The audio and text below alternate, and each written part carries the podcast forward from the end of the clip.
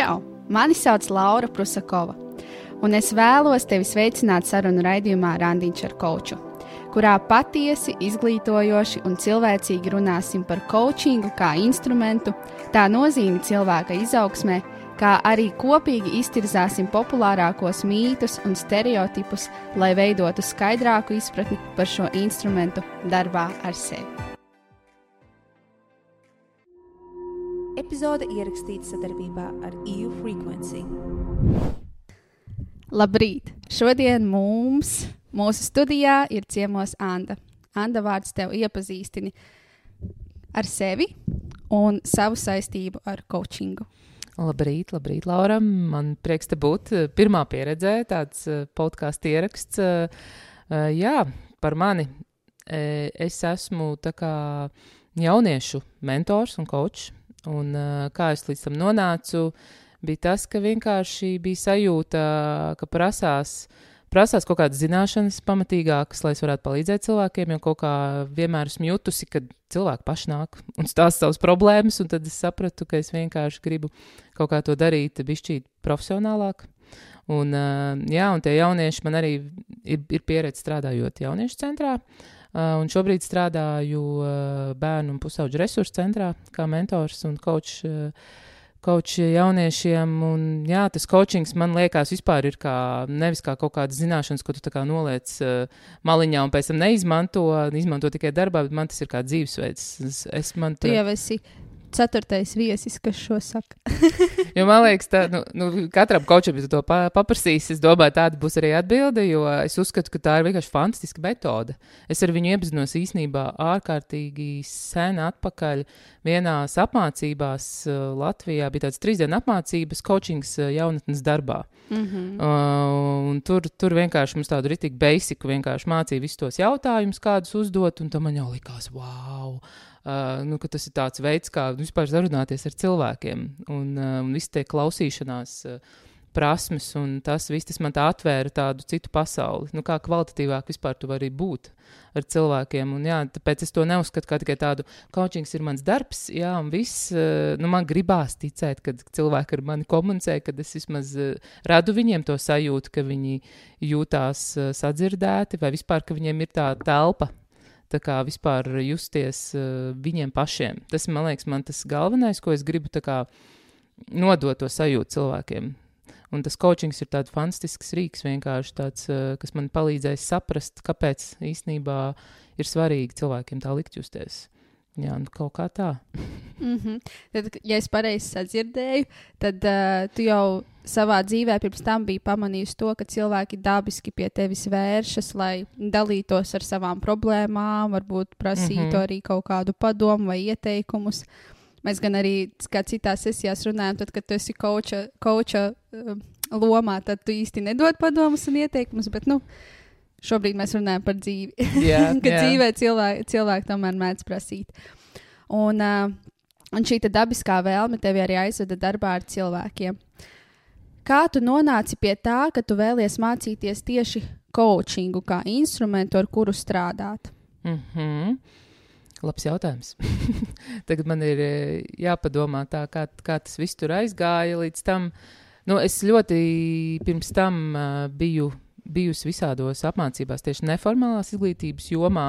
Un tad jau, jā, kā jau minēju, man bija tā pirmā pieredze tieši neformālās izglītības ietvarā. Uh, uh, ar to coachingu, bet tad pagāja kaut kādi, es nezinu, nu, vismaz desmit gadi, man liekas. Uh, jā, tā varētu būt. Un tad es vienkārši. Jā, sapratu, jā, īstenībā caur to jaunatnes jomu es satiku kaut kādus cilvēkus, kas, kaut kādus trenerus, kas man uzrunāja. Un, un tad es ieraudzīju to coaching skolu, metu coach, un es vienkārši redzēju, tur viena tā trenerīte, kas, ko es jau zinu. Uh, kas bijis, bijis man kaut kādās apmācībās saistībā ar jaunatnes jomu. Un tas tā, jā, lai iet. Mm, un, uh, jā, un es noteikti nenožēloju to visu. Tas bija fantastiska pieredze. Un, uh, jā, un tas, tas, kāpēc es gribēju mācīties, nu, lai, jo var jau lasīt, jā, jo to es arī biju darījis. Vai jau lasīt, man gribējās laikam to vairāk to, ka tas ir tāds, ok, viens Tā kā, es nezinu, kā to izskaidrot. Tev ir tāds, tā kā tu ej, kad uz augstskolu tu ej mācīties. Ka tev Jā, ir vienkārši ir tāda sistemātiska pieeja un regularitāte. mācīšanās.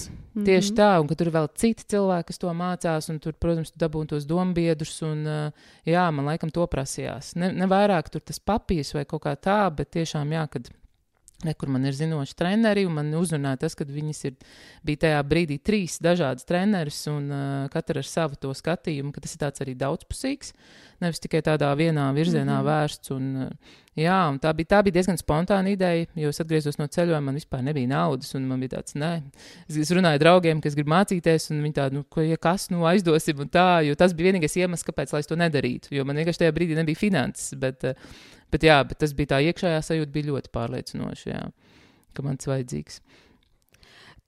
Šodien arī viens no iemesliem, kāpēc es uzaicināju tevi ar, mu, ar mums parunāties šajā podkāstā, ir tas iemesls, ka uh, coachings tas ir instruments, kuru var pielietot dažādās jomās, dažādās nišās. Tāpēc varbūt mēs arī bieži vien dzirdam, ka ir daudz un dažāda veida coachi.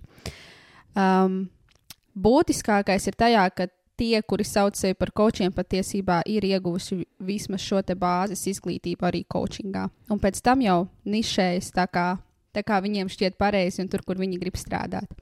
Un tava mērķa auditorija ir jaunieši. Kā šis ceļš izvērtās, ka tu nolēmi, jā, jaunieši ir tie cilvēki, ar kuriem es gribu strādāt un kurus es vēlos atbalstīt? Mm -hmm. Tā arī ir interesanti. Liekas, kad, eh, kad es pabeidzu coachingu, kad nē, es tur pieaugušiem, jaunieši nē, jo pirms tam strādāju jauniešu centrā kā jaunatnes darbinieks. Un, eh, un tad, jā, man laikam pietika vienā brīdī, uh, un jā, pēc coaching skolas man pilnīgi nebija doma, kad, man, ka mums tur bija jādefinē kaut kādas savas auditorijas un nišas, un vispār man nebija prātā, ka tie būs jaunieši, bet no sevis neaizbēgsi. un, uh, un arī tas, ka jaunatnes joma vispār ļoti maziņa Latvijā, cilvēki tevi zina, un tad uh, mani uzrunāja. Tā kā kļūt par, nu, ne gluži par koču, bet par mentoru. Jā, Un tas vienkārši coachings, tas, ko es izmantoju, tās metodes. Eh, bet esmu sapratusi, jā, ka īstenībā darbs ar jauniešiem ir ārkārtīgi specifisks. Un eh, tas nav, es, protams, nesaku, ka eh, ar pieaugušiem nav specifiski arī ir, bet nu, jauniešiem ir ārkārtīgi svarīgi, ka viņi jūtās kā, saprasti drošā vidē, jo to es jau sapratu jauniešu centrā, kad nu, es jūtu, ka viņi man uzticās. Tāpēc es jūtu sevī iekšā to varbūt arī spēku, kad es varētu to darīt, jo man nebija tāds, ka, jā, šis mans sapņu darbs, es vienkārši tādu man bija tāds, ok. Nu, jo bērnu pusauģu resursu centrā tur tas vispār ir nu, bijis citādāk nekā, nekā jauniešu centrā. Tur nāk tiešām bērni ar problēmām, ar izaicinājumiem lieliem, un es nekad nebiju tā strādājusi. Tajā jomā. Un, uh, jā, viens ir, ka tev atnāk jaunieci un pastāsta, ka viņam viss slikti skolā un besi ārā tur kaut kādu skolotāju vai draugu, ja, bet, uh, bet jā, kad viņam reāli ir kaut kādas depresīvas lietas un, un, un pašnāvības domas, tas ir pilnīgi cits stāsts vai atkarības. Un, un tāpēc, jā, man, protams, sākumā bija tāds. Ok, bet es tā pašā laikā sapratu, ka uh, nu, jaunieši man kaut kā uzticās un uh, nu, ka viņi jūtās droši manā klātbūtnē. Un tāpēc man likās, nu, ok, ja man tāds resurs ir dots, tad nu, tas ir jāizmanto. Tāpēc kaut kā arī es piekritu, un es joprojām to daru. Bet jā, tas nebija tāds apzināts īstenībā mērķiecīgs, mērķiecīga auditorijas, ko es gāju. Tas kaut kā notika pats no sevis. Jā. Mm -hmm. Man arī šeit gribās um, nedaudz uzsvērt, uh, ņemot vērā arī mūsu iepriekšējās epizodes un sarunas ar citiem kočiem. Ka tas, ka tu strādā ar šādiem klientiem, tas nav parasti tāds tipiskais coachinga darbs, jo šie depresijas, pašnāvību gadījumi, tas tomēr vairāk ir terapijas lauciņš. Bet tā kā tu strādā pusauģu resursu centrā, kur ir šis dažādu speciālistu kopums, kas var atbalstīt mm -hmm. jautājumos, kuros varbūt tu nevari palīdzēt jauniešiem, tad tāpēc tev ir arī tādi klienti. Tas tā precizējot. Jā, jā, tieši tādi. Jā, tas noteikti svarīgi to zināt, jo esmu kā atbalsta speciālists. Tur, tur pamatā viņiem visiem ir psihologi, psihiatri, narkologi, iespējams, tas tā, tā, tāds komandas darbs. Jā, un tad, un tad, jā, tad es esmu kā vēl viens atbalsta speciālists. Un tas mans uzdevums arī ir. Man nav uzdevums tur uh, risināt viņu depresijas, bet vairāk jā, palīdzēt viņiem ar tādām, nu, kā, kas coachings īstenībā ir uz to darīšanu Uh, palīdzēt tā kā uzsākt, jo to var darīt paralēli. Tu vari iet pie Protams, terapeita, un tu vari iet protams. pie koča, un tas kočs vienkārši ir kā tāds uh,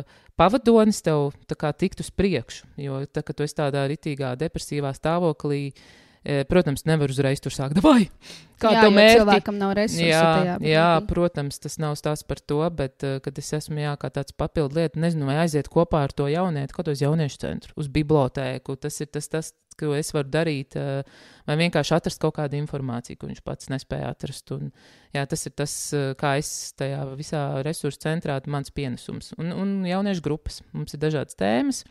Piemēram, vakar vadīju par identitāti, par pu pubertāti, par visu to, ko tas nozīmē būt pusaudzim. Un tas ir ar tādu neformālu uh, neformālā gaisotnē. Tas viss ir uh, piesakās tie, kas pie mums nāk uz to pusauģu resursu centru. Nekad nevar zināt, cik viņi būs. Tā, ka tu īsti tev jābūt diezgan fleksiblam ar metodēm arī. Un jā, un tur ir par attiecībām, ir par atkarībām, nu, visdažādākās. Un ko es vēl gribu īstenībā ļoti svarīga lieta, ko es ļoti, kas man patīk tajā pusauģu resursu centrā, tur darbs arī ar vecākiem. Kas ir vēl viena daļa, kas ir īstenībā ļoti svarīga, jo mēs jau varam tur baigi izrunāties. Visu laiku jaunietis pie mums jūtās ļoti labi, bet, ja viņš aiziet mājās un turpinās viss tas pats, kas iepriekš, es nesaku, ka obligāti vienmēr problēmas nāk no mājām, bet ļoti bieži tā ir. Kad ļoti svarīgi arī vecāki iesaistās, un mēs arī piedāvājam viņiem šādu iespēju. Jā, tā kā, tā kā man tas liekas tāds uh, fantastisks īstenībā rīks, ko piedāvā valsts. Nu, bez maksas, jā, tas ir bezmaksas pasākums. Šobrīd tā ir tāda reklāmas pauze. Eh, bet, eh, bet, jā, man vienkārši ārkārtīgi patīk, ka kaut kas tāds ir pieejams vispār Latvijā. Jo, jā, nav nekas jāmaksā, un tev ir iespēja vienkārši palīdzēt savam jaunietim un pašam sev. Jo dažkārt jau tā ir vienkārši nezināšana. Ka nav vienkārši izpratnes par to vecumu posmu, jo pusauģu vecuma posms ir ārkārtīgi sarežģīts. Nu, kā, Jā, par šo es vēlos parunāt vairāk, jo uh, man liekas, ka daudziem ir tāda laba izpratne, vismaz tie, kas ir saskārušies ar coachingu, par to, kā tas ir darbā ar pieaugušajiem, bet uh, darbs ar jauniešiem un pusauģiem. Arī man, esot pašai jauniešu mentoram un kočam, tā ir pilnīgi cita pasaule. Varbūt tu vari pastāstīt no savas pieredzes, kas ir tās galvenās atšķirības darbā ar pusauģiem un jauniešiem, ko tu esi novērojusi. mm -hmm. Jā, jo man sanāca arī pakočot pieaugušos. Jā, kamēr, kamēr mācījos, man tas bija obligāts pasākums, un arī pēc tam uh, galvenās atšķirības. Ne, nu, dažkārt, kā jau kā jūs tev pirms tam minēju, ka dažkārt liekas, pieaugušie ir kā pusauģi, bet tā arī gadās. Bet, uh, mm, nu, laikam es teiktu, nu, kā, nu, kā jau pusaudzim, viņam vēl tās uh, smadzeņu darbība vēl nav tik ļoti nobriedusi, uh, kas, kas arī ir tas. Uh, Tad pirmais fizioloģiskais fizioloģija tīri, jā, jo viņiem varbūt nav vēl tās uh, izpratnes par to. Uh, Viņi kā apzinās sekas lietām, bet viņiem vairāk strādā tas, ka viņi dabūs kaut kādu labu ieguvumu no tā visa. Viņi neredz tās sliktās, varbūt lietas, kas var, uh, kas var notikt ar viņiem, kad viņi kaut ko dara. Un arī tas, ka viņiem ārkārtīgi uh, haotisks varbūt tas prāts. Arī, nu, ka viņi nav tik sakārtoti, jo, protams, nu, pieaugušais arī var būt haotisks, bet viņš vairāk, zina, to dzīves pieredzi, varbūt ir kaut kādi izveidojušies kaut kādas noteikti paterni, kā viņš domā, bet, uh, bet jaunietim tajā momentā viņam ir vienkārši arī tik ārkārtīgi daudz lietas, sevišķi mūsdienās, uh, un viņš varbūt ir pazaudējies vienkārši pats sevi, un, viņš, un viņam, jā, ir varbūt vairāk jāpalīdz vispār atrasties tajā brīdī, kur, kur ir viņš, kur viņš pats, viņš nevis ko domā citi. Un, uh, nu, jā, tās coaching sesijas, var, varbūt ar ko viņas atšķirās, ir, uh, nu, protams, metodas noteikti izmanto. Varbūt īstenībā vairāk uh, tāda spēlēšanās arī. Nu, mums, kā mums teica, stulbi varbūt teikt, ne stulbi, bet kad, kad metodi sauc par spēlēm, bet es uzskatu īstenībā, ka spēles ir fantastisks rīks, ko mēs arī izmantojam, jo tas ir veids, kā ne tikai ar bērniem, kas ir, jo mums tur nāk no 10 līdz 18 gadiem tie jaunieši. Un, jā, kad spēles ir veids, kā viņus pirmkārt atvērt, jo viņi nejūtās, jo, piemēram, sēdēt tā kā mēs ar tevi šobrīd, ne visiem jauniešiem tas ir komfortabli. Un, un es dažkārt arī pastaigās ar viņiem, to es daru arī pieaugušiem, jo tas arī ir veids, kā, kā vienkārši mazināt to spriedzi. Jo nav tā, ka, ka kāds skatās uz tevi un gaida to atbildi. Es esmu dzirdējis no jauniešiem, ka viņiem ir tā sajūta dažreiz, ka nu, es nezinu, ko atbildēt. Nu, tā Kā, jo man sajūta, ka tu gaidi no manis kaut kādu atbildi, un tas, protams, viņam mēģina skaidrot, ka Uh, nu, nē, tas nav tas, bet dažkārt tas īstenībā pat tā vide uh, var no, nu, tā kā nosist nos to viņu atvērtību, jo viņi jūtās varbūt tā pārāk sterili, jo mums tie kabineti arī nu, ir tādi, nu, ir mīkstie krēsli, jā, bet nu nav jau tur kaut kādi pufi un tur uh, nav tik kauzī, varbūt kā viņiem tur jauniešu centrā, piemēram, varētu būt, bet, uh, bet jā, tas, tas īstenībā ir svarīgi, tā vide, kādu tu radi, un, un īstenībā runāšanas stils noteikti jārunā viņu valodā. Un, uh, es nesaku, ka es tu, tagad tur baigi runāju viņu slēngos, jau arī nezinu visus tos jaunākos, ja godīgi vispār. Es jau. Viņi arī tik ātri mainās. Jā, tā kā es vispār tur neorientējos, un, uh, ja godīgi, bet, bet es jūtu, ka, nu, jā, jārunā viņu valodā. Bet tas jau, man, man liekas, palielam ir jebkuru cilvēku, ka tev. Uh, tu nedrīkst tur sākt eh, bērt kaut kādus baigos terminus, un, un, un es dažreiz sevi pieķeru pie domas, ka es viņiem kaut ko skaidroju, vai kaut kā tā, ka es varbūt domāju, nu, varbūt viņš to nezinās, to, to kaut kādu jēdzienu vai ko, bet, bet jā, tas ir baigi svarīgi, ka viņi jūtās tā kā, ka viņi ir starp savējiem. Jo nu, tas tajā darbā, kad tu palīdzošās profesijās vispār ārkārtīgi svarīgi, ka tas cilvēks vienkārši jūtās droši un ka viņu vispār nevērtē, kas, protams, nevienmēr ir ārkārtīgi viegli, bet tas vienkārši tas ir tas, kāpēc viņš ir tur. To es viņiem parasti atgādinu, ka tā ir vieta, kur viņi vienkārši var būt, kas ir priekš viņiem. Jo dažkārt viņiem liekas, ah, oh, man viņas tur mammas atvelk, vai tur jā, vēl kāds cits ir līdzis atnākt. Kad izmantot to pēc iespējas, kā, kā viņi to vēlās. Ka tā ir tāda jā, nu, ja piemēram, pieaugušo es varu ļoti tā sistemātiski jau izdomāt kaut kādas sesijas uz priekšu, nu, ka mēs strādājam pie kaut kā ar uh, jaunieti, neobligāti. Varbūt tā, ka viņš man atnāk nākamā, mēs varbūt esam izrunājuši nākamreiz, tad runāsim par to vai to. Varbūt pf, noticis kaut kas tur pilnīgi ČP skolā vai kur, un, un būs pilnīgi cita lieta. Varbūt viņš vienkārši klusēs man visu to sesiju. Tā arī ir bijis. Tā kā izaicinājumu ir pietiekami daudz, bet jā, tas galvenais, ko es varu pateikt, ka jābūt diezgan fleksiblam. Jā, to arī tā metodēm, ar to, kā tu runā ar viņu, tas tonis ir, nu, jā, viss, viss tas baigais kombo tāds. Un tas, ko arī es esmu novērojusi darbā ar jauniešiem, ka viņiem uh, vairumā gadījumu ir vajadzīgs ilgāks laiks, lai uzticētos, un ilgāks laiks, lai atvērtos. Mm -hmm. Jo pieaugušiem arī šeit, man liekas, nostrādā šis te kaut kādā ziņā atbildība arī par to, ka, piemēram, es esmu samaksājis par šo sesiju, un man gribās no tā dabūt arī rezultātu, jo es esmu investējis savu naudu šajā visā. Bet jauniešiem nav šīs sasaistes, un, uh, un tad uh, paiet parasti tāds ilgāks laiks, kad viņi patiesībā sāk ieraudzīt vērtību tam, ko viņi dara uzticēties tam cilvēkam, ar kuru strādā, atvēr un atvērties. Mm -hmm, pilnīgi pareizi, jā, jo, jo nu jā, viņiem tas. Viņi par to nemaksā, bet arī pieaugušiem par to, ka viņi nemaksā. Viņi arī, man liekas, eh, mazāk vispār tā kā dara lietas. Eh, to es arī esmu novērojis. Jā, jā, tā ir kaut kāda, man liekas, cilvēku tendence. Nu, jā, un tas vēl, ka tev, jo ir, eh, ir tā, ka mums nāk gan jaunieši, ka paši piesakās, jo mums tā doma ir, ka eh, nevis, ka mēs valkam tur jaunieši vai viņiem obligāti kāda institūcija viņus nosūtījusi, bet, ka jā, tā ir uz pašu iniciatīvas brīvprātīga lieta. Bet jā, viņi ir bez maksas. Nu, pat iedomājieties, pat vecākiem nav jāmaksā. Jā, un tad arī dažkārt ir īstenībā, nu, jā, ir tāds, ah, nu, ko tad jūs te piedāvāsiet, vai ne, no vienas puses, bet eh, nu, tas ir ļoti reti.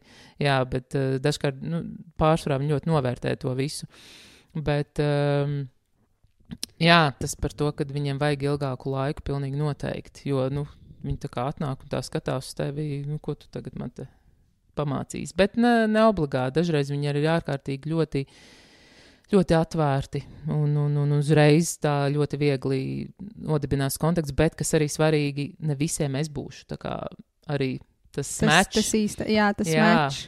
Jā, un kas ir vispār par coachingu un palīdzošām profesijām, par psihologiem, par jebko. Uh, nu, tev var, varbūt tas cilvēks ir ārkārtīgi zinošs ar baigiem diplomiem, bet tas nenozīmē, ka jums būs labs kontakts. Jo tas ir tas cilvēciskais faktors. Jo var Tieši nepatikt tā. kaut vai, nezinu, mans balstonis, kā es izskatos. Nu, kaut kas var vienkārši nepatikt. Un, uh, un visu nebūs. Un, jā. Un, jā, un tā arī ir jauniešiem. Jā, vienkārši nav. Un viss. Un tad jā. tas stāsts ir ok, nu, ej pie citu speciālistu, un tas ir ok. Jā, tas ir ok tieši tā. Mēs arī par šo tēmu runājām. Uh, iepriekšējā epizodē kopā ar Lāsmu, ka tas ir ļoti normāls process uh, un, uh, un ka ir veiksminieki, teiksim, tā, tie, kuriem tiešām paveicas ātri atrast to savu speciālistu, ar kuru ir šis labais mečs. Bet ir jābūt atvērtam tam, ka tas nenotiks pirmo reizi. Un arī tad, kad tu ej pie koča, nu ir ok, ja tev nesanāk ar to pirmo cilvēku izveidot, ej, pamēģini aiziet pie cita koča. Mm. Jo ne jau mhm. metode vai instruments ir slikts vai, vai kaut kas tāds, bet reizēm tiešām ir šis cilvēciskais faktors, ka mums vienkārši nesaskan. Tas jā, ir ok. Jā, un to cilvēkiem dažkārt nu, gribās vienkārši iedrošināt cilvēkus nemest. Plinti krūmos pirmo reizi ja nesanāk, vai arī teikt, ka, oh, šis galīgi garām, ja coachings nekam nedara, vai tur terapija, bet tiešām tas var būt vienkārši cilvēciskais faktors, kad vienkārši nemačojums kopā. Viss, jā. Um, Anna, man vēl viens tāds jautājums uh, par darbu ar jauniešiem. Mēs nedaudz izrunājam to specifiku un tās atšķirības, uh, kuras tu esi novērojis strādājot ar viņiem. Kas ir tie lielākie izaicinājumi, kas tev līdz šim ir bijuši, vai tās grūtākās situācijas, varbūt tu kaut ko atminies? Hmm. Nu, vispār, uh, laikam jau par to, ka tu dažkārt nesaproti, kur tālāk iet. Nu, kad cevišķi jaunietis tev ļoti maz atverās, uh, kad, uh, jā, kad esmu pieradusi, ka, ok, pieaugušo, tad vismaz viņš tur runā un tā un stāsta, un ar jaunieti, kad tu vienkārši esi iestrēdzis, nu, ko tālāk, ka tev pašam tu sāc pats apšaubīt, nu, vai tiešām uh, tu esi spējīgs palīdzēt tam jaunietim. Bet tas tajā pašā laikā, tāpēc mums ir, piemēram, supervīzijas un atbalstošie man kolēģi, jā, kas vienkārši pasaka, tas ir ok. Dažkārt, ka jaunieci aiziet dusmīgs, ka tas arī ir ok. Jo, jā, protams, tas izaicinājums ir vairāk pašai ar sevi. Es teiktu, kā, jo nu jā, man nav psihologa izglītība, un es strādāju tādā vidē, kur jā, tur nāk, tie nav tā, ka mums nāk priecīgi jaunieši. un viņiem viss ir kārtībā, kuriem man tur jāpalīdz, nezinu, mm, saprast, ko viņi grib nākotnē darīt, vai tur tā. Tas arī ir daļa no darba, bet, bet jā, ka vairāk ir, protams, tas, tās lietas, kas nav tik, tik foršas un priecīgas. Un tas vairāk man darbs ar sevi, kā vispār tā kā nevis. Nu, tā kā mierināt sevi, kad man jau viss sanāk. Jo, jā, vairāk, jo tie jaunieši ir superīgi. Viņi ir superīgi, viņiem, viņi ļoti, ļoti arī cenšas, eh, un, un viņiem ir ārkārtīgi laba tā atbalsta grupa, kas ap viņiem ir. Bet jā, tas, tas uh, vairāk ir par to, jā, kad arī nemēģināt viņus baigi tur tagad, oh, tu tāda metode, šī tāda metode. Uh, varbūt dažkārt vienkārši, ka viņš tur ir un klusē arī ir ok, jo varbūt viņam mājās ir tā, ka viņš vispār nevar uh, būt mierā. Un, uh, tas ir tas, ko es esmu baigi sapratusi, jo mums ir tās uh, supervīzijas un viss, un kur arī dalās kolēģi ar saviem piemēriem. Un, tev dažkārt liekas, ka tu vispār esi nekāds nezins, pat nu, tādi psihologi, ja, kuriem ir izglītības un uh, dziļāks, padziļinātāks. Viņam liekas, ka viņi vispār neko nejēdz, bet uh, kad ir jau ok, kad kaut vai jaunietis uh, vienkārši tur ir, jo viņam tā stundiņa varbūt ir tāda atelpas brīdis. Un jā, tas vairāk jā par to, kad uh, sev pateikt, ir ok. un, ja jūt, ka kaut kur uh, ir esmu iestrēgus, man vienmēr ir fantastiski iespēja ar kolēģiem runāt un prasīt padomu. Un, tā kā tādā ziņā esmu ārkārtīgi pateicīga par to vidi. Jo, jo jaunieši, viņi ir ārkārtīgi jūtīgi arī uz to, ka, ja tu viņus, nu, tā kā piečakarē, es teiktu, to es sajūtu no jauniešu centra, ja tu kaut ko esi apsolījis, piemēram, vai kaut kā, kaut kā radījis to uzticību, ja tu viņus piečakarē, viņi, nu, paldies! Es sapratu, ka tu neesi pietiekami labs pieaugušais, man ar tevi vairs nav ko darīt. Kad uh, tur ir arī jāuzmanās par to, kad uh, radīt viņos tiešām to vidi, ka viņi jūtās tā kā viss atbalstoši, viss ir kārtībā. Tas, protams, nevienmēr ir viegli. Es neteiktu, ka man visiem jauniešiem baigi izveidojas arī kontakts tas pats stāsts, jā, kad, kad vienkārši nav, un tad arī ir ok beigt sadarbību. Nu, tā kā pateikt tā atklāti, kad, nu, te laikam nebūs, un viss, tas, protams, arī tāds sev jāpārkāp pāri, kad, ok, nav, nav līdz galam, un, un, un, un viss, bet kas man, ko man gribās ļoti atzīmēt, kad, ka vispār jauniešiem vajag, man, mana pārliecība ir, kad, kas izglābs pasauli, katram jaunietim būs kāds uh, sakarīgs pieaugušais blakus, kaut vai viens. Kas viņu uzklausa. Un tāpēc man liekas, ja es varu kaut vai būt tas tajā brīdī, tas viens pieaugušais, kas kaut vai viņam vienreiz nedēļā iedod to sajūtu, ka viņš var kādam uzticēties, tas jau man liekas ir daudz. Un tas man palīdz tā kā iet uz priekšu. Jo, jā, protams, ir visādas domas par to, tā es nezinu, vēl tādas metodas, es tur neizprotu visu to tik labi, to un to un to. Bet, uh, Bet, jā, tajā pašā laikā es varbūt pat neapzinos, eh, cik daudz jau es iedodu ar to vienkārši, ka es tur esmu. Tieši tā, jo uh, tas arī, ko es sapratu darbā ar jauniešiem, kas ir manā pieredzē bijis, ka bieži vien uh, tā lielākā, es negribētu varbūt pat to gluži saukt kā problēmu, kaut gan savā ziņā tā ir arī problēma, ir tā ikdienas vide, kurā ir jaunietis, tā ir ģimene, tā ir skola, tie ir draugi.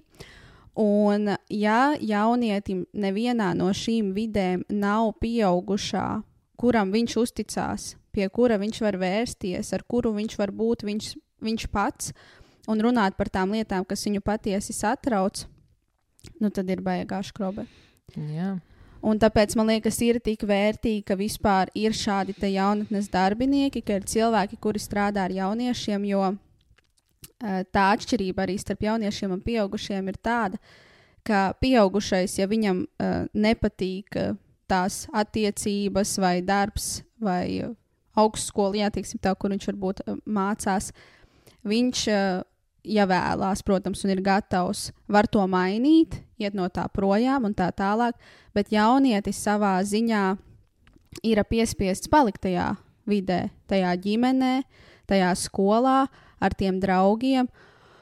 Un tad šeit tiešām man liekas, ka ir ļoti labi, ja jaunietim ir apkārt tie pieaugušie, kas parāda, hei, pirmkārt, var citādāk, mm. pret tevi var attiekties citādāk, tu vari būt sadzirdēts. Eh, tevi nenosodīs par to, ka tu pateiksi, kā tu patiesībā jūties un no kā tu baidies, vai kādas domas ir tavā prātā. Un šis, man liekas, ir tāds ļoti, ļoti svarīgs moments, kad tas ir viens no lielākajiem iemesliem, kāpēc ir jāstrādā ar jauniešiem, jo tiešām varbūt viņiem tā vide ikdienā ir tāda, kur viņi nespēja iegūt šīs nesajūtas, un arī, zini, viņiem nav iespējas redzēt, ka var citādāk. Mm. Nē, es vēl, man ienāca prātā tas, ka uh, cik ārkārtīgi svarīgi, man liekas, pusauģu vecumā ir validizēt to, kā viņi jūtās. Tā kā teikt, tas ir ok, ka tu jūties tur, nezinu, jā. jā, normalizēt, uh, ka tu jūties pazudis, uh, jo viņiem jau liekas, man liekas, tieši mēs vakar runājām jauniešu grupā ar jauniešiem, ka viņiem ir, viņi ir starp to, ka viņi vairs nav bērni, bet viņi nav pieaugušie, un tad viņi kā no viņiem prasa atbildību, tajā pašā laikā uztver viņus kā bērnus, un viņi nevar saprast, ko tad viņiem kādam būt. Jā, jā. Un, uh, un arī par to, ka uh, arī nu, vecākiem bieži nav, vai skolotājiem pat nav izpratnes, nu, negribās jau ticēt, ka skolotājiem nav, es ticu, ka viņiem ir nu, kas notiek ar jau pusauģu vecumā ar jauniešiem, kad viņiem arī pēkšņi var pazust interesi par kaut ko, ko viņiem agrāk bija, un kas ir ļoti normāli. Un, ka viņi iz, izmēģina visādas lietas, bet jā, man liekas, tas svarīgais tiešām tas atslēgas vārds ir tas atbalsts nu, kaut vai no viena cilvēka, jā, un ja tu to nesaņem mājā, nu, kur tam vajadzētu būt kā primārajai lietai, bet nu, kā ir, tā ir. Ne visiem tā ir. Bet jā, ka vismaz, vismaz kaut kur vai draugs, vai, vai skolā kāds skolotājs. Un, un tas, tas ir ārkārtīgi svarīgi. Vai, jā, mēs, mēs mentors, jo mēs jau esam tādi iestādi, kur arī nu, jāgaida, ir rindā. Nav jau tā, ka viņi uzreiz dabūna to palīdzību. Īsnībā tā ir tā realitāte, jo nav jau tik daudz to speciālistu. Un, un, un, jā, un ja viņam līdz tam, jo viņam jau varbūt ir, protams, tādus akūtos mēs uzreiz ņemam, jā, bet, bet jā, tik svarīgi, ko es arī mēģinu mācīt jauniešiem, uh, kad, eh, kad mums ir tēma par attiecībām, kad kā, cik ārkārtīgi svarīgi, kāda cilvēka tev ir apkārt. Jo tas ir tas, kas, ko tu vari ietekmēt. Uh, jo tu vari mainīt, uh, kā jaunietis, uh, ok, viens ir ok, tu dzīvo kaut kādā ģimenē, jā, tu ej skolā, ok, tur man ir kāds draugs, tu izvēlies. Un, un, un, uh, tas, tas ir tas, ko viņi var paši sev palīdzēt. Jā, jo tas, tas beigas spēlē lielu lomu tieši tajā vecumā. Jā, es pilnībā tev piekrītu.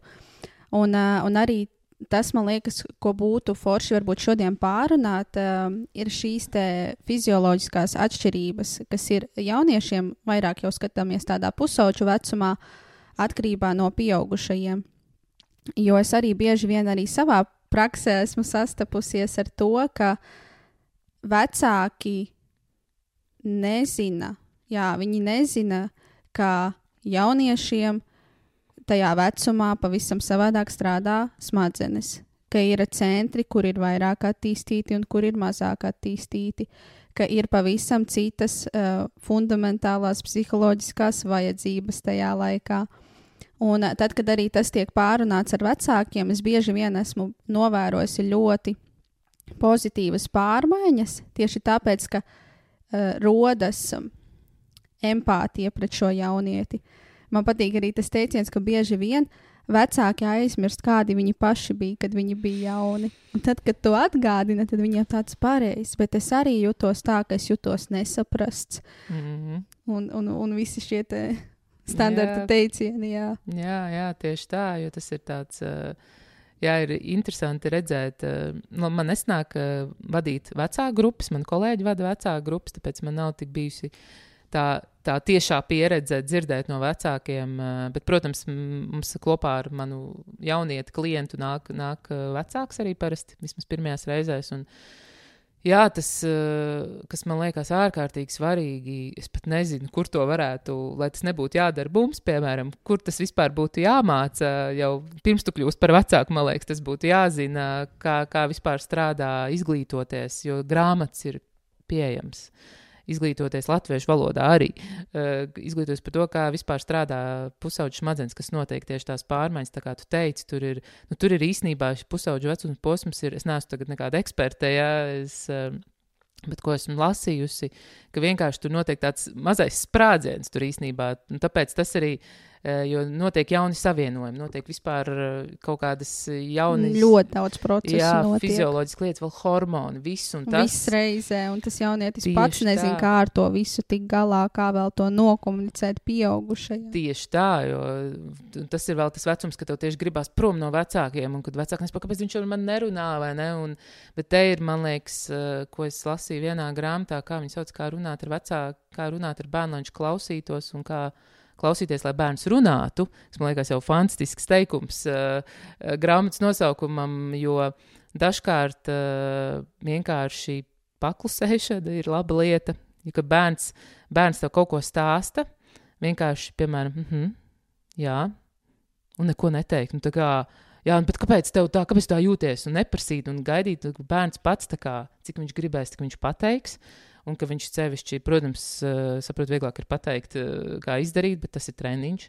Un arī sevišķi par emocijām. Tas ir viena liela tēma, man liekas, eh, ko mēs pirmkārt paši pieaugušie mēs nerunājam par savām emocijām. Mēs vispār mākam nosaukt emocijas bez labi, slikti, normāli. Uh, bet jā, tas, ko mēs arī strādājam ar jauniešiem individuāli un arī grupās, tās nosauktas par emocijas. Kādas tev ir bijušas pa dienu, jo nav tā, ka mēs pa dienu, jo es viņiem vienmēr saku, viņi man atnāk un saka, es jūtos normāls. Tā, tu, tu zini, kas nestrādā normāli. Nu, tā kā, kas ir, kā tu jūties, kas tur notiek? Mums ir tāda pat lapiņa, kur ir, nezinu, 120 emocijas, un tad viņam ir tāds, ah, šī arī ir emocija. Ja? Tā kā, tas ir vispār darbs, nu, es teiktu, pašam ar sevi sākot. Nu, tiem vecākiem jāstrādā ar sevi. Un, un ja tā komunikācija ar to bērnu ir ārkārtīgi svarīga, jo katrs tāds uh, vārds uh, pateikts dusmās, uh, protams, zinot, cik tas vispār man pašai nav bērnu, tas vispār ir, es vispār nestādos priekšā. Kā ir audzināt citu cilvēku, cilvēku, ja tu vēl pats netiec ar sevi galā. kā Tas nav šobrīd nekāds pārmetums, bet tā ir realitāte. Jā, kad nu, vairāk apzināties, kad pašam saprast sevi, tad būs vieglāk saprast arī otru īstenībā. Jā, jo, protams, tas, ko es arī esmu novērojis, ka vairumā gadījumu vecāki jau dara labāko ar to, ko Tieši viņi, eh, to, ko viņi zina, ar to pieredzi, kas viņiem ir un tiem resursiem. Bet, um, bet bieži vien tas nav tas labākais, kas ir vajadzīgs tam bērnam vai tam pusaudzim.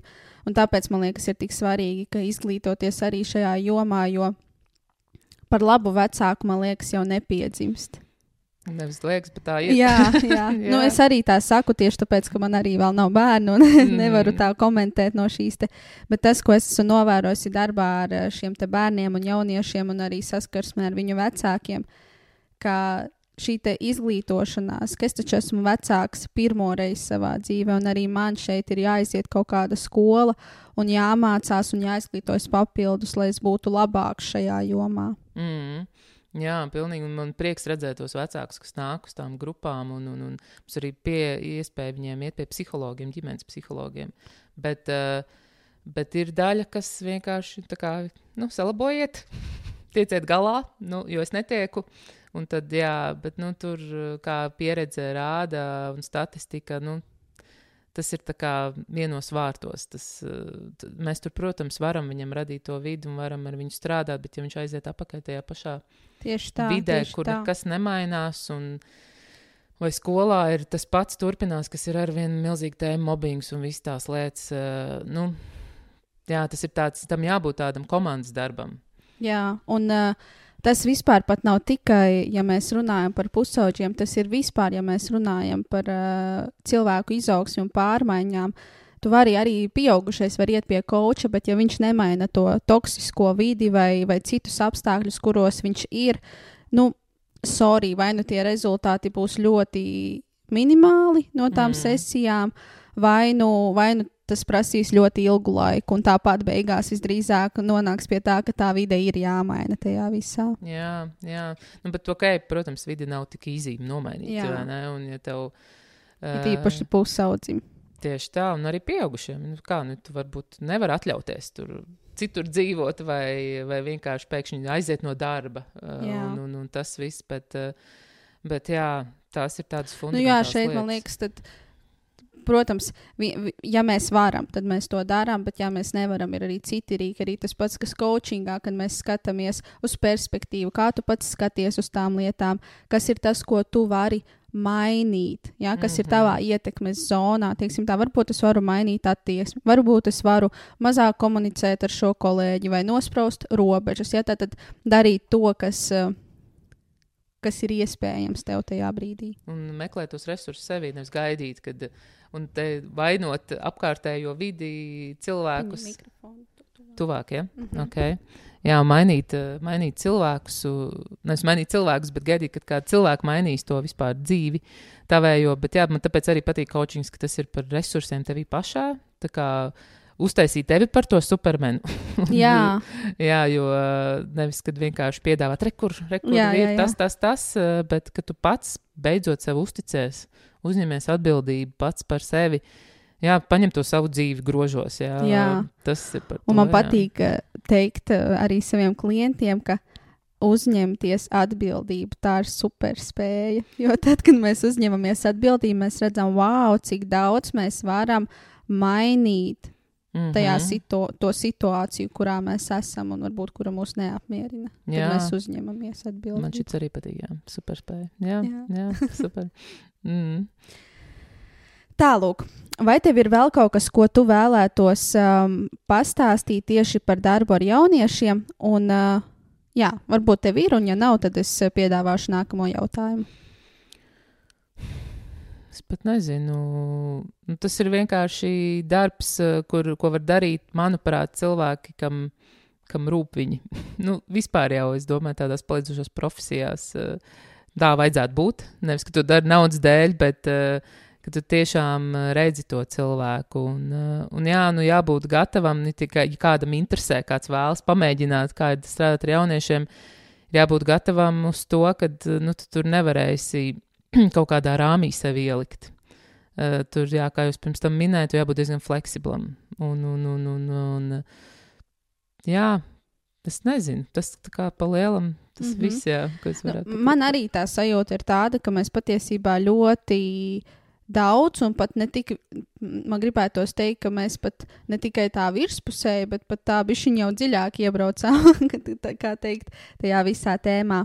Varbūt pastāsti par to tieši kā coachings. Kas ir tās metodes, tu jau nedaudz pieminēji, bet varbūt tā kopsummējot, kuras tu izmanto darbā ar jauniešiem. Mm. Ok, nu tīri jau tas pats uh, metode, ka vienkārši ir atvērti jautājumi, kad es ļauju viņiem pašiem uh, kā rast atbildes. Jo, protams, kad ir dažkārt jūtī, ka viņi gaida no tevis kaut kādus padomus un tā, un tad, uh, un tad es uh, vienkārši ļauju viņiem pašiem tur burties. Bet tas īstenībā arī viens specifika nevienmēr, uh, tāpēc, jo tas ir mentorings. Uh, un coachings kopā, jo jaunietim tiešām ir dažkārt vajadzīgs vienkārši kā viņš grib dzirdēt tavu pieredzi. Uh, jo, jo jā, tas arī viņam var būt ļoti palīdzoši. Bet jā, tā tad noteikti ir kaut kādas ir tāda burvīga grāmata, ko sarakstījuši uh, Lailas Nidzāna un Jona.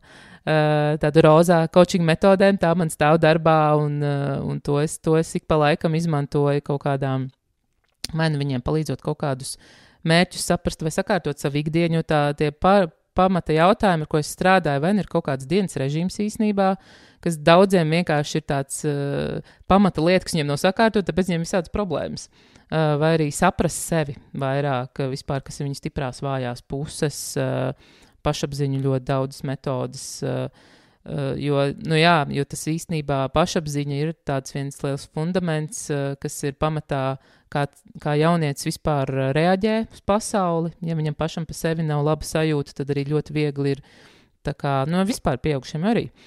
Vispār ļoti viegli ietekmēties no tā, ko citi, bet ja pusauģa vecumā tas īpaši svarīgi, jo viņi ārkārtīgi grib kā, kaut kam kaut kam līdzināties. Jā, viņi meklē to savus idolu. Mm -hmm. Tieši tā, un tie ir El, meklējumi. elpus, jā. jā, runāsim latviešu. Jā.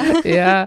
un, un, un tas ir ārkārtīgi svarīgi nostiprināt, mēģināt nostiprināt viņos to pārliecību pašiem par sevi. Un tas ir jā, tas, ko es pārstrā strādāju, jā, tie dienas režīms, kaut kādas uh, jā, prasmes, vispār plānot savu laiku.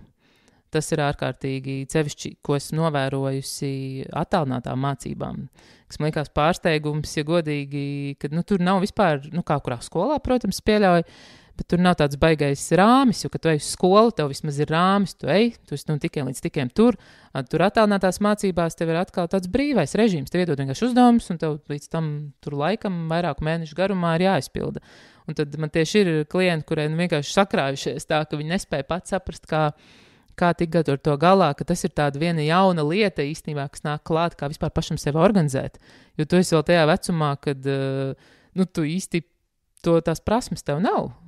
Nu, ja, protams, tu pats jau neesi bijis, ja tev nav kaut kāds piemērs labs no vecākiem, jā, un, uh, bet ja tev, jā, tu mācies attālināt ilgstoši vēl tās sociālās prasmes, kas ir tāpēc mums ir tās pusauģu grupas, uh, jo ļoti daudz, kas nāk tieši pusauģu resursu centri ir ar ļoti ļoti stresu, stresu būt vispār sociālās uh, attiecībās ar cilvēkiem. Viņiem ir tā, tā trauksme būt vispār kaut kādā komunikācijā ar citiem, un tad, tad tā ir tā vide, kur mēs mēģinām viņiem rādīt, ka ir ok.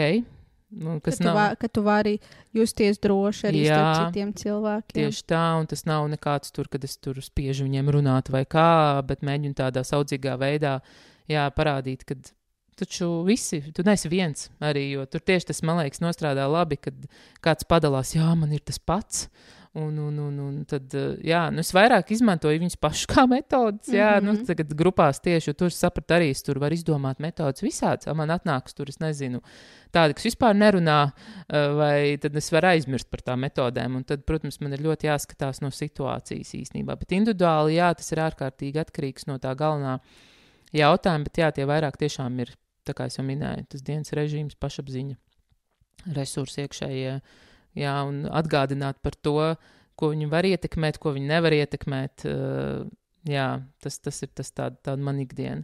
Tieši. Jā, nu tas, ko es arī pati sadzirdu, uh, ka šis te coachings, kā to arī minēja, tas ir tavs dzīvesveids.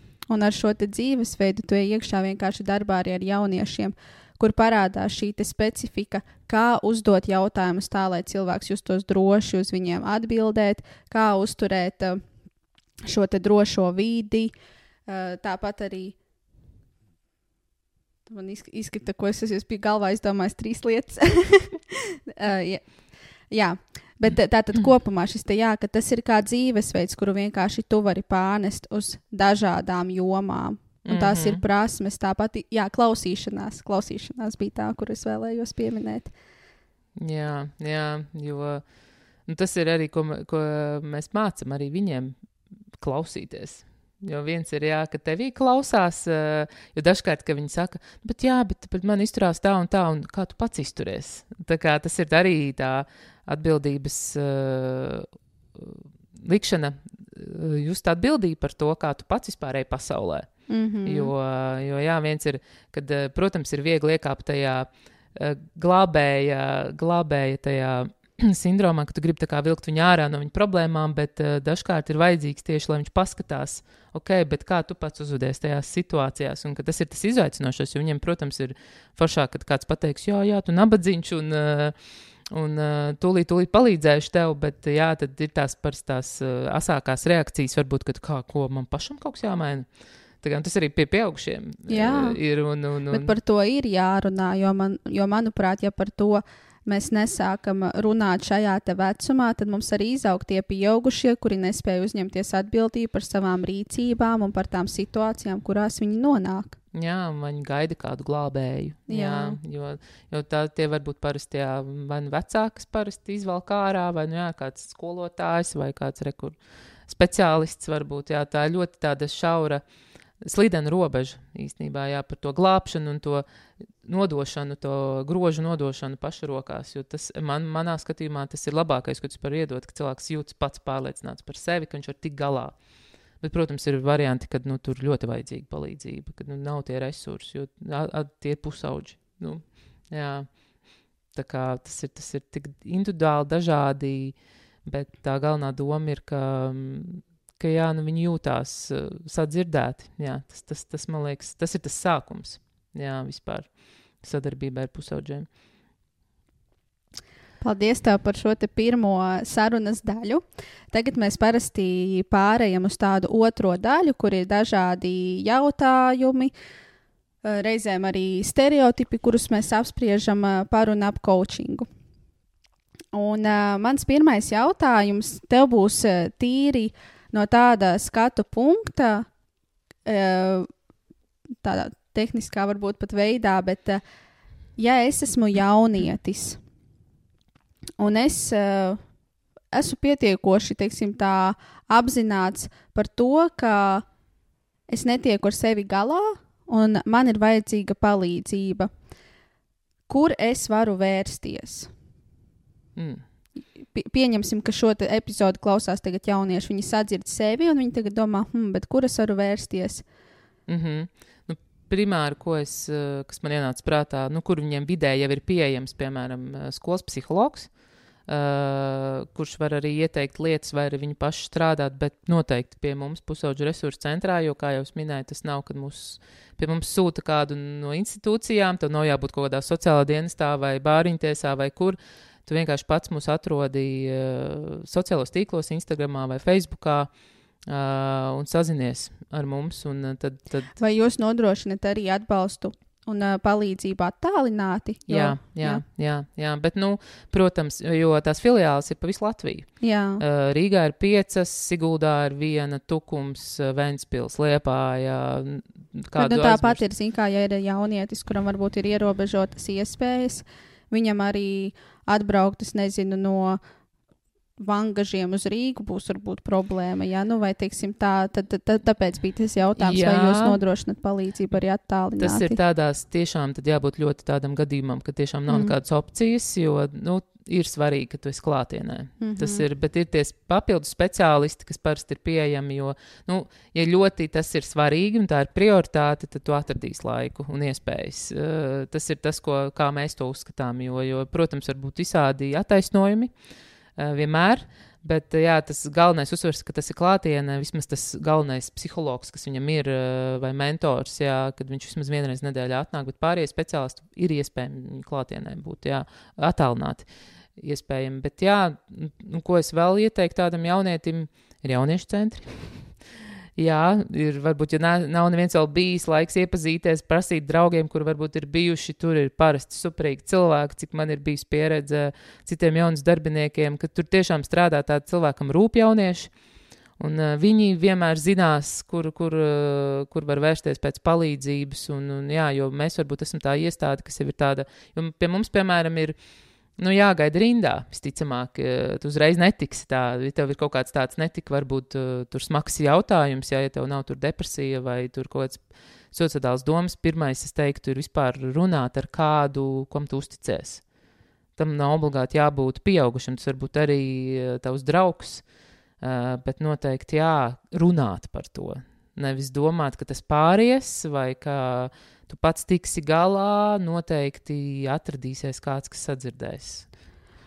Un, um, Ziniet, kā man liekas, tas, ar ko es arī esmu sastapusies, kāpēc jaunieši nevēršās pēc palīdzības, tad, kad viņi jūt, ka varbūt tas būtu kas tāds, kas būtu viņiem vajadzīgs.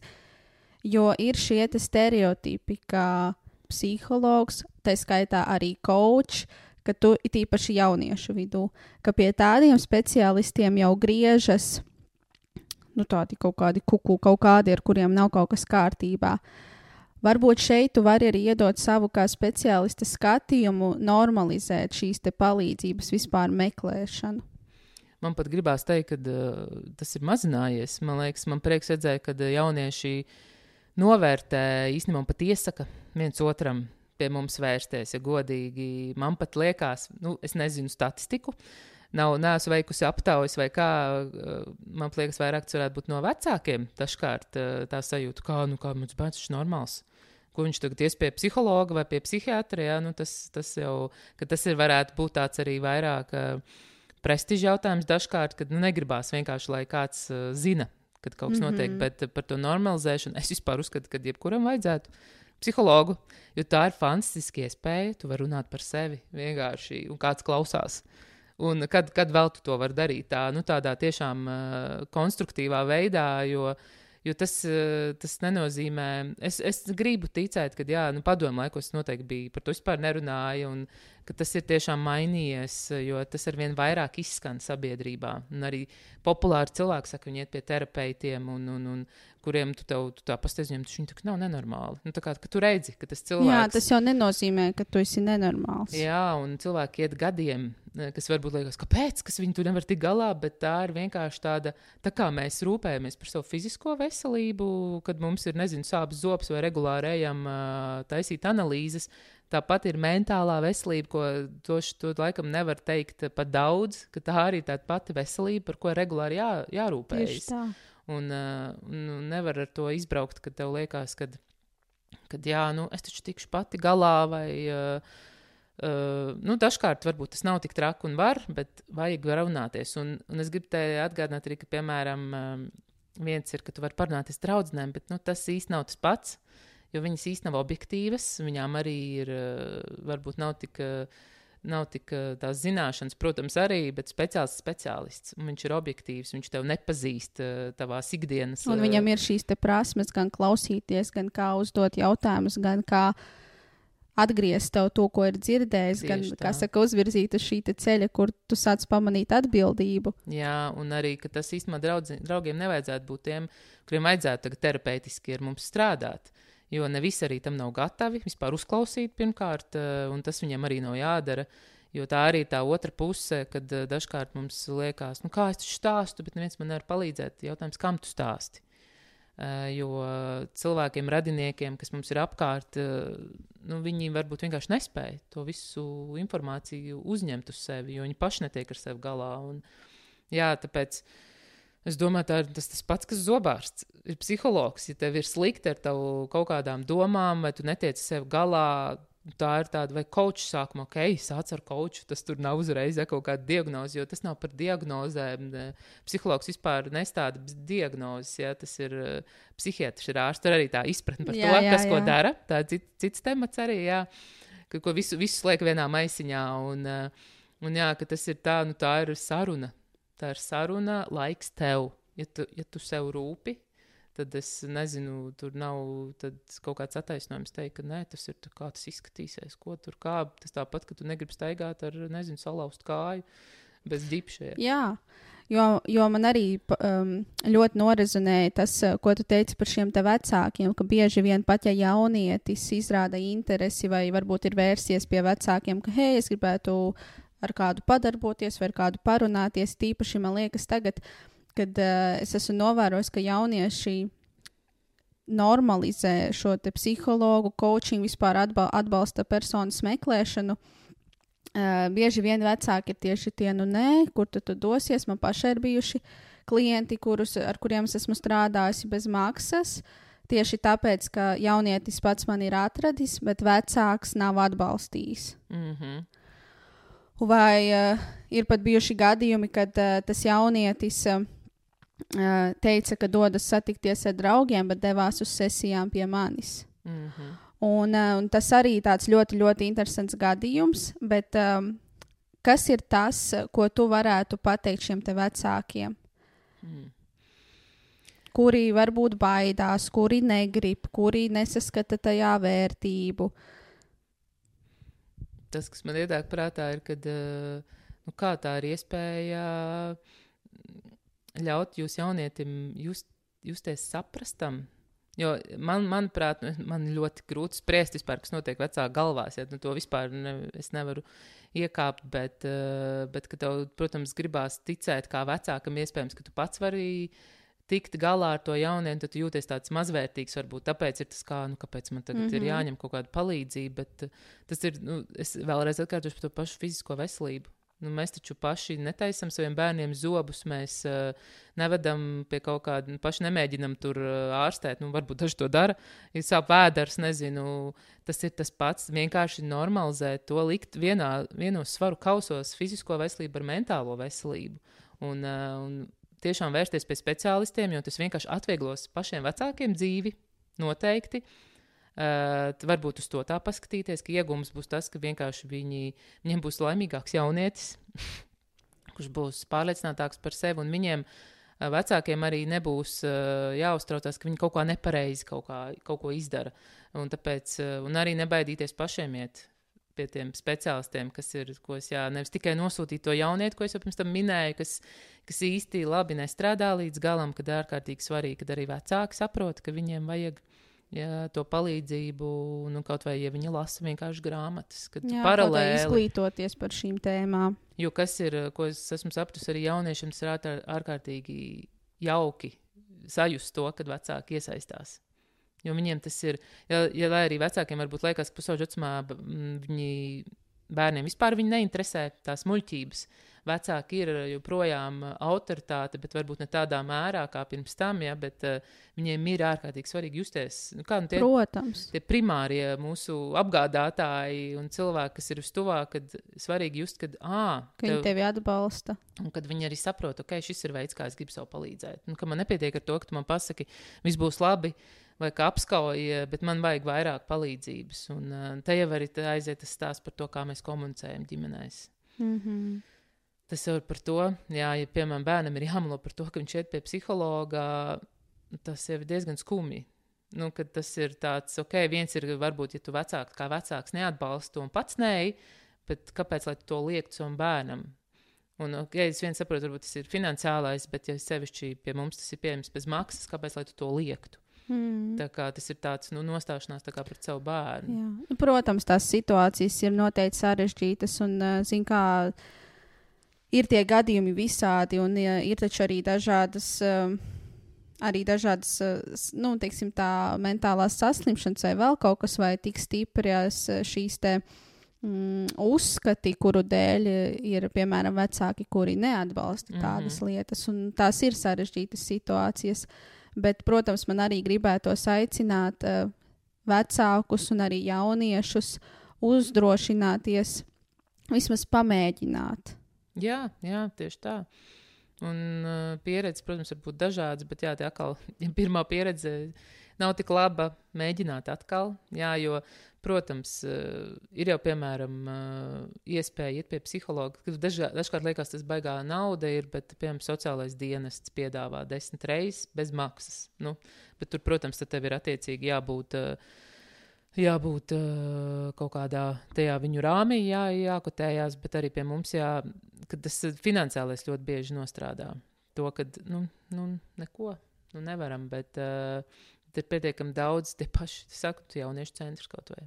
Tur tas. Uh, kaut vai tā būšana tur starp citiem jauniešiem arī var mainīt vispār tā bērnu uzturu. Ja viņš sēž mājās visu laiku viens pats, kas ļoti satrauc mūsdienās vecākus, ka viņš vienkārši sēž telefonā, spēlē tur datorspēles, neiet ārā, viņam nav draugu, vai draugi ir tikai virtuāli, kas ir normāla parādība mūsdienās.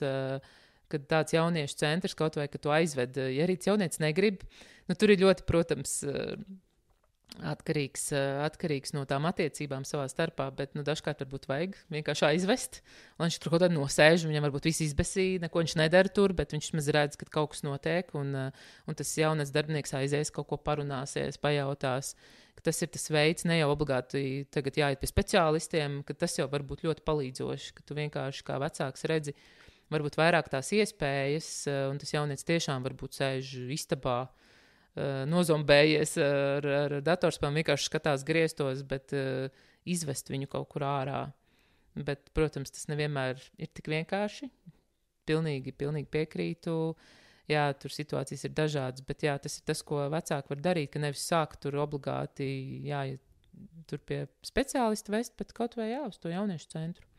Vai uz kādu puciņu, vai vismaz savest kopā kaut kādus, tur nezinu, draugu bērnus ar savu bērnu nu, skatīties. Jā, un kas galvenais ir ieklausīties, jo kāpēc, eh, kāpēc parasti tie jaunieši noslēdzās un arī neko, neko, tu, neko negribu, tu neko nestāstu vecākiem, ir, jo viņiem ir pieredze, kad vecāki vai neieklausās viņos, vai uh, viņiem liekas, ka vecāki vispār viņu kaut kādas intereses noliek kaut kādā, kas tas ir vispār, ko tu tur dari. Uh, Jo nu, to vecākiem parasti nepatīk dzirdēt, nu, kā nu, uzspēlēt viņiem tās vidusspēles kopā vai paprasiet, ko viņi vispār tur dara. Jo viņi izjutīs kaut kādu interesi par to, ko viņi jau dara no vecākiem, tad viņiem varbūt viņi būs atvērtāki kaut kādām, uh, ko piedāvās vecāki, citas mm. lietas, alternatīvas. Tas ir, tas ir jā, tas nenotiks tā pēkšņi, jā, bērns neko nedara.